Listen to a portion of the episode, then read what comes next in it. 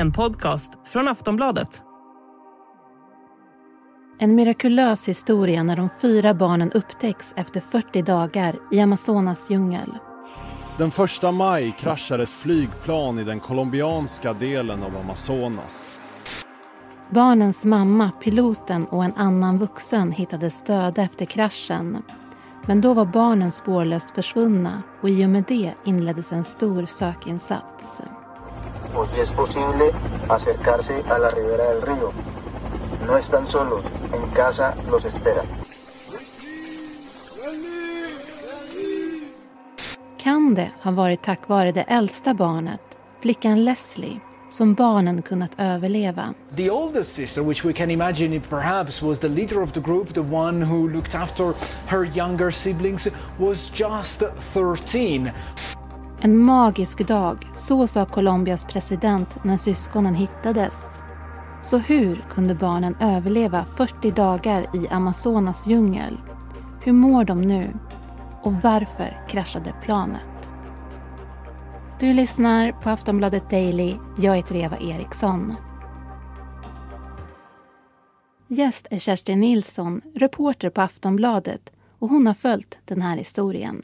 Ja, det var tidigt på morgonen den första maj så var mamman och de här fyra barnen 13, 9, 4 och 11 månader var det yngsta. Eh, de var på väg ett flygplan tillsammans med en ledare från sin hemby och en pilot, en före detta taxichaufför.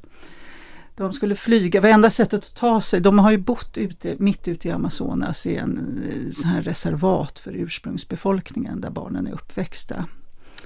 Eh, och nu skulle de ta sig till en annan stad för att möta barnens pappa, för han hade lämnat hembyn för han var förföljd av olika grupper och så hade han skickat meddelande att de skulle komma efter. Därför satt de i det här flygplanet tidigt på morgonen. Och, men ganska kort efter start så meddelade piloten via radion att han hade problem med, med motorn. Det här är ett enmotorigt, en, en liten Cessna. Så, som är specialiserad, för det här är ju lite extremt att flyga i Amazonas och, och starta och landa på väldigt korta liksom, banor. Och. Men då meddelar han att han har problem med motorn. Eh, men sen så ordnar han upp det där på något sätt så att de fortsätter flygningen. Och när de har kommit ungefär halvvägs efter någon timme då skickar han ett mayday via radion att motorn har lagt av och han kommer störta. Och han säger också på radion att till höger om sig så ser han en flod och sen försvinner planet från radarn. Så efter det, då vet man inget mer? Då vet man inget mer. Och då börjar ju en ganska intensiv sökinsats och det här är ju i Colombia, i södra Colombia, i Amazonas regnskog, mitt ute i djungeln. Så att man börjar leta ganska direkt så sätter man in militären som söker både till fots och med helikoptrar och flygplan och med hjälp av satelliter försöker man ju hitta det här flygplanet. Då. Men det tar ändå, den 15 maj hittar man flygplanet och då har det träden, om man ska beskriva också djungeln här, alltså träden är 40 meter höga, solen når inte ner, det regnar 16 timmar om dagen, för det är den tiden liksom nu. Eh, så planet hade liksom fastnat eh, upp upprätt om man säger med nosen ner och stjärten upp mellan träden och slagit i. Liksom. Den hade ju landat på nosen. På vägen ner så hade den också förlorat liksom, delar. Och, men den står, planet står upp liksom, mellan träden. Och där hittar man de tre vuxna, man hittar piloten, han är död, den här ledaren från hembyn, han är död och barnens mamma är död. Men har barnen, barnen är inte där. Och man ser också att i planet, för mamman, de tre vuxna satt ju längre fram och bak i planet så var det tre stolar där de tre 13, 9 och 4-åringen förmodligen satt. Och två av de stolarna var liksom i upprätt läge. Mm. Den tredje hade lossnat. Men, men ja, barnen var borta. Så det var därför också som eh, barnen då kunde överleva men inte, mm. inte de vuxna? Precis. Kan man tänka sig den här 11 månaders eh, bebisen, vart befann sig? Man tror, eh, när man har i, i någon form av haveriutredning som man har gjort, att eh, bebisen faktiskt satt i mammans knä. Men hur det klarar sig, det vet man ju inte. Men mamma, det, det är tydligen också så att i, mamman, barnen har nu efteråt berättat att deras mamma levde i fyra dagar. Så de stannade ju vid planet först. Och där hittade man ju sen också ganska nära planet en, en improviserad lägerplats. Där de hade stannat och det där hittade man ju också som en liten lila sax och en nappflaska och hårband.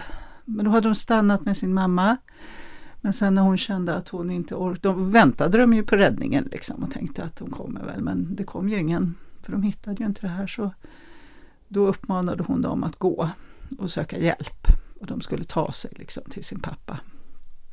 Så då började de att gå. Och innan de gick också så tog den här 13-åriga flickan, som är äldst, Leslie, hon tog med sig en påse med kassavamjöl som ursprungsbefolkningen använder. Så det tänkte äter. hon ändå ja, på där? Mm. Och ta med sig liksom någonting att äta.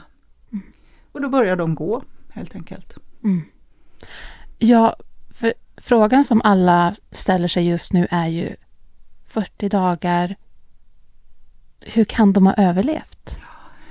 Man får också tänka att de är ju uppvuxna i, i djungeln. De har ju lärt sig sedan barnsben att klara sig liksom själva i djungeln. Och de, tydligen så, så det har ju släktingar berättat att bara att få en fyraåring att gå i den här djungeln som är ogenomtränglig. Och, men de var vana att gå i djungeln. Och den här Leslie då, flickan, äldsta flickan, hon visste ju precis vilka frukter som gick, för det är ju skördetid i, i djungeln just nu, så de hade ju tur på det sättet. Det fanns frukt, men alla frukter är ju inte ätliga heller. Det finns ju de som är giftiga, och, men hon visste ju vilka de skulle äta och vad de skulle ta för någonting. Och så lagade hon ju också av det här kassavamjölet, riktigt vad vet jag inte hur, vad hon gjorde. Men det är också väldigt eh, kolhydratrikt. Då. Och vatten, de visste ju också hur de kunde liksom samla regnvatten genom att vika blad och, och sånt.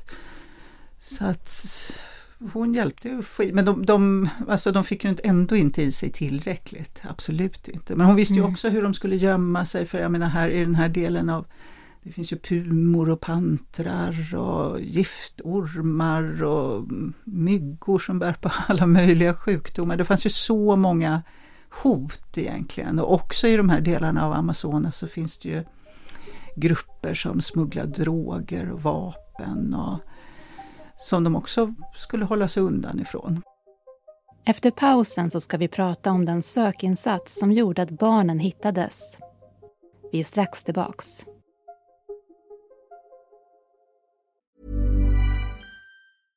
Hej, jag Ryan Reynolds. På Mint Mobile, we like to do the opposite of what Big Wireless does. They charge you a lot, we charge you a little. So naturally, when they announced they'd be raising their prices due to inflation, we decided to deflate our prices due to not hating you. That's right. We're cutting the price of Mint Unlimited from $30 a month to just $15 a month. Give it a try at mintmobile.com slash switch. $45 upfront for three months plus taxes and fees. Promo for new customers for limited time. Unlimited more than 40 gigabytes per month. Slows. Full terms at mintmobile.com.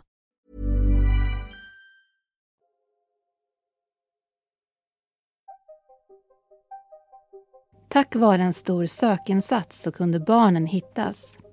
Vi ska prata mer om det med Kerstin Nilsson som följt historien. Räddningspersonal, det var ju typ sådär kanske 160 militärer som sökte på marken och de fick hjälp av efter ett tag då, jag tror att faktiskt att det var presidenten som bad ursprungsbefolkningen att hjälpa till för de hittade ju och de gjorde, genomförde sådana här riter och talade till djungeln att djungeln skulle liksom lämna tillbaks barnen. Och, men de, var ju också, de är också vana och visste hur de skulle leta. Mm. Och då sökte man i cirklar. Men efter man säger att sikten var kanske 20 meter så de var ju också rädda de som sökte att de skulle hamna vilse för kom man liksom 20 meter från de andra så kanske man själv gick vilse.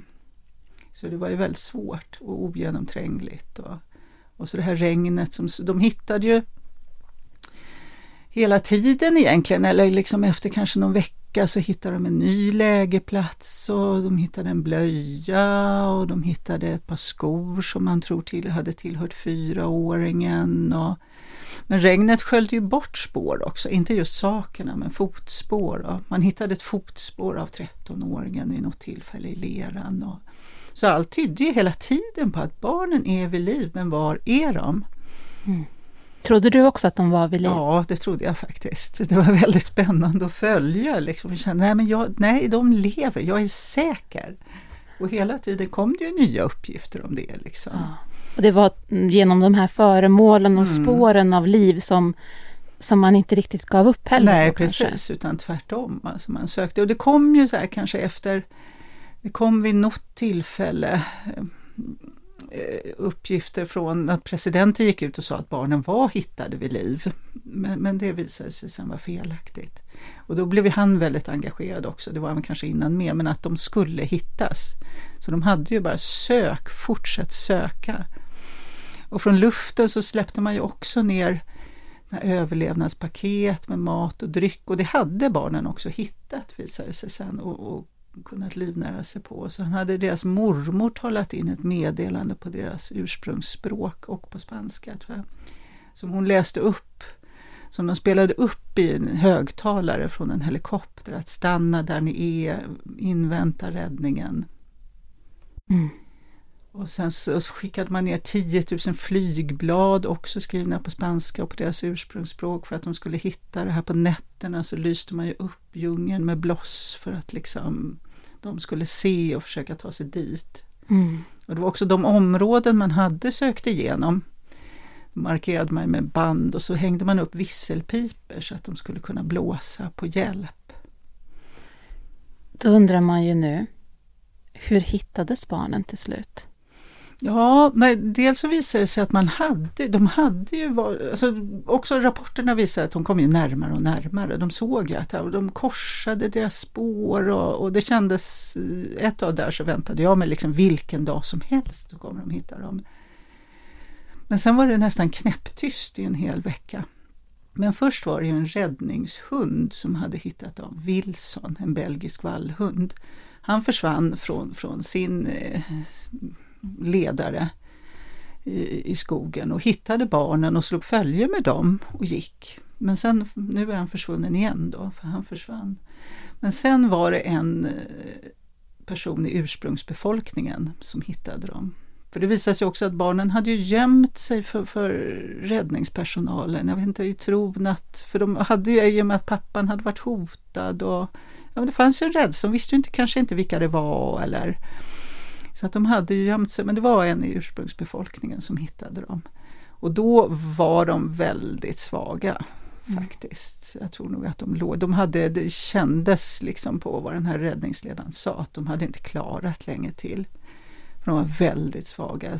Han menade på att kraften räckte liksom till att andas och sträcka sig efter en liten frukt. För då var de så uttorkade och utmärglade. Hur, hur mår barnen nu? Nej, då med samma där och så, de fick ju vinschas upp i, i, helikopter för det gick ju inte att landa och fördes först till ett mindre lokalt sjukhus och sen till ett militärsjukhus i Bogotá. Där de vårdas nu.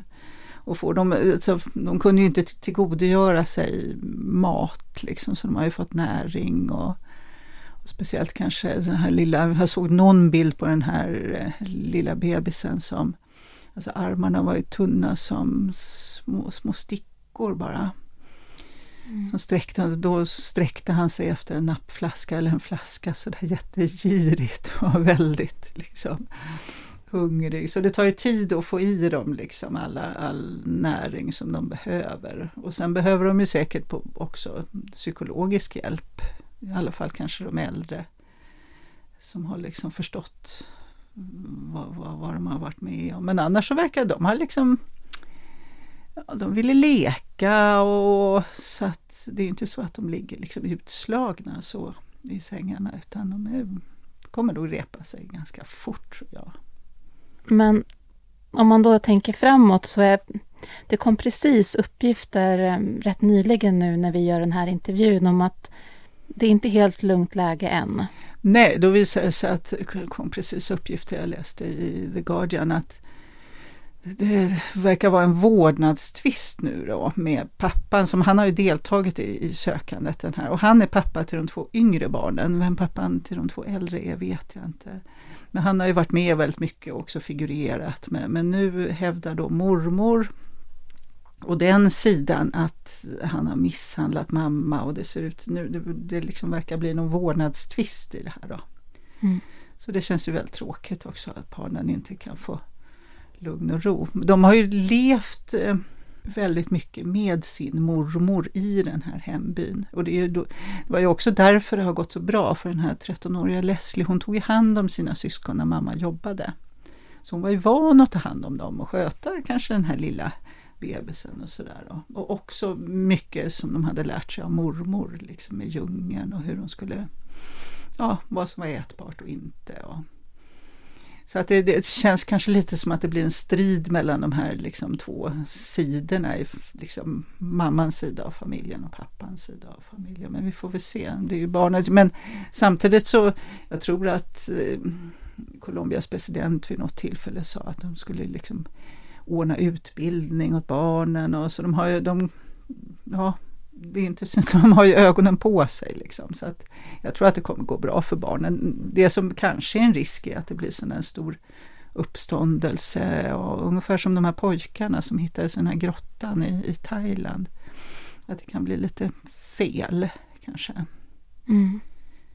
Men finns det en sak som vi ändå kan enas om när det kommer till den här historien det låter ju nästan lite grann som 13-åriga Leslie är lite utav en hjälte. Ja, hon är ju tveklöst en hjälte. De hade inte kunnat klara sig utan henne. Så är det ju. Det var ju hennes kunskaper. Hon var ju tydligen lite sån, jag tror det var någon, om det var morfar eller någon som hade kallat henne, eller någon faster, att hon var en krigare liksom. Väldigt stark och envis. Och, och det var ju ett, för jag menar från nio, om nio, nej, det är hon som har liksom räddat dem. Så hon kommer ju hyllas fantastiskt mycket. Det blir ju lite spännande att se vad det blir av hennes liv.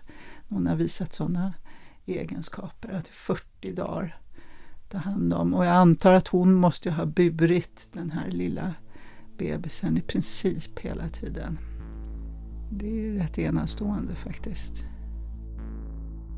Det sa Kerstin Nilsson, reporter på Aftonbladet du har lyssnat på Aftonbladet Daily. Jag heter Eva Eriksson och vi hörs snart igen.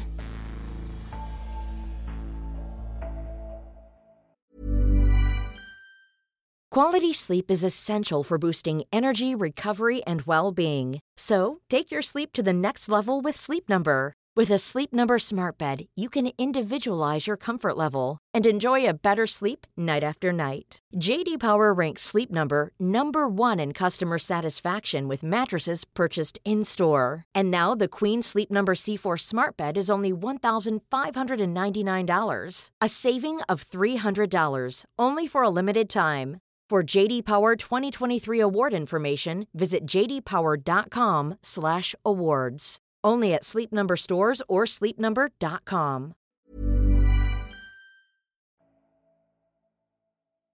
Du har lyssnat på en podcast från Aftonbladet.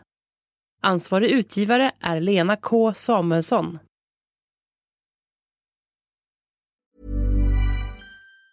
Tired of ads barging into your favorite news podcasts?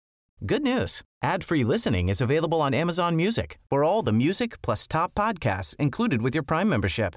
Stay up to date on everything newsworthy by downloading the Amazon Music app for free or go to amazon.com slash news ad free.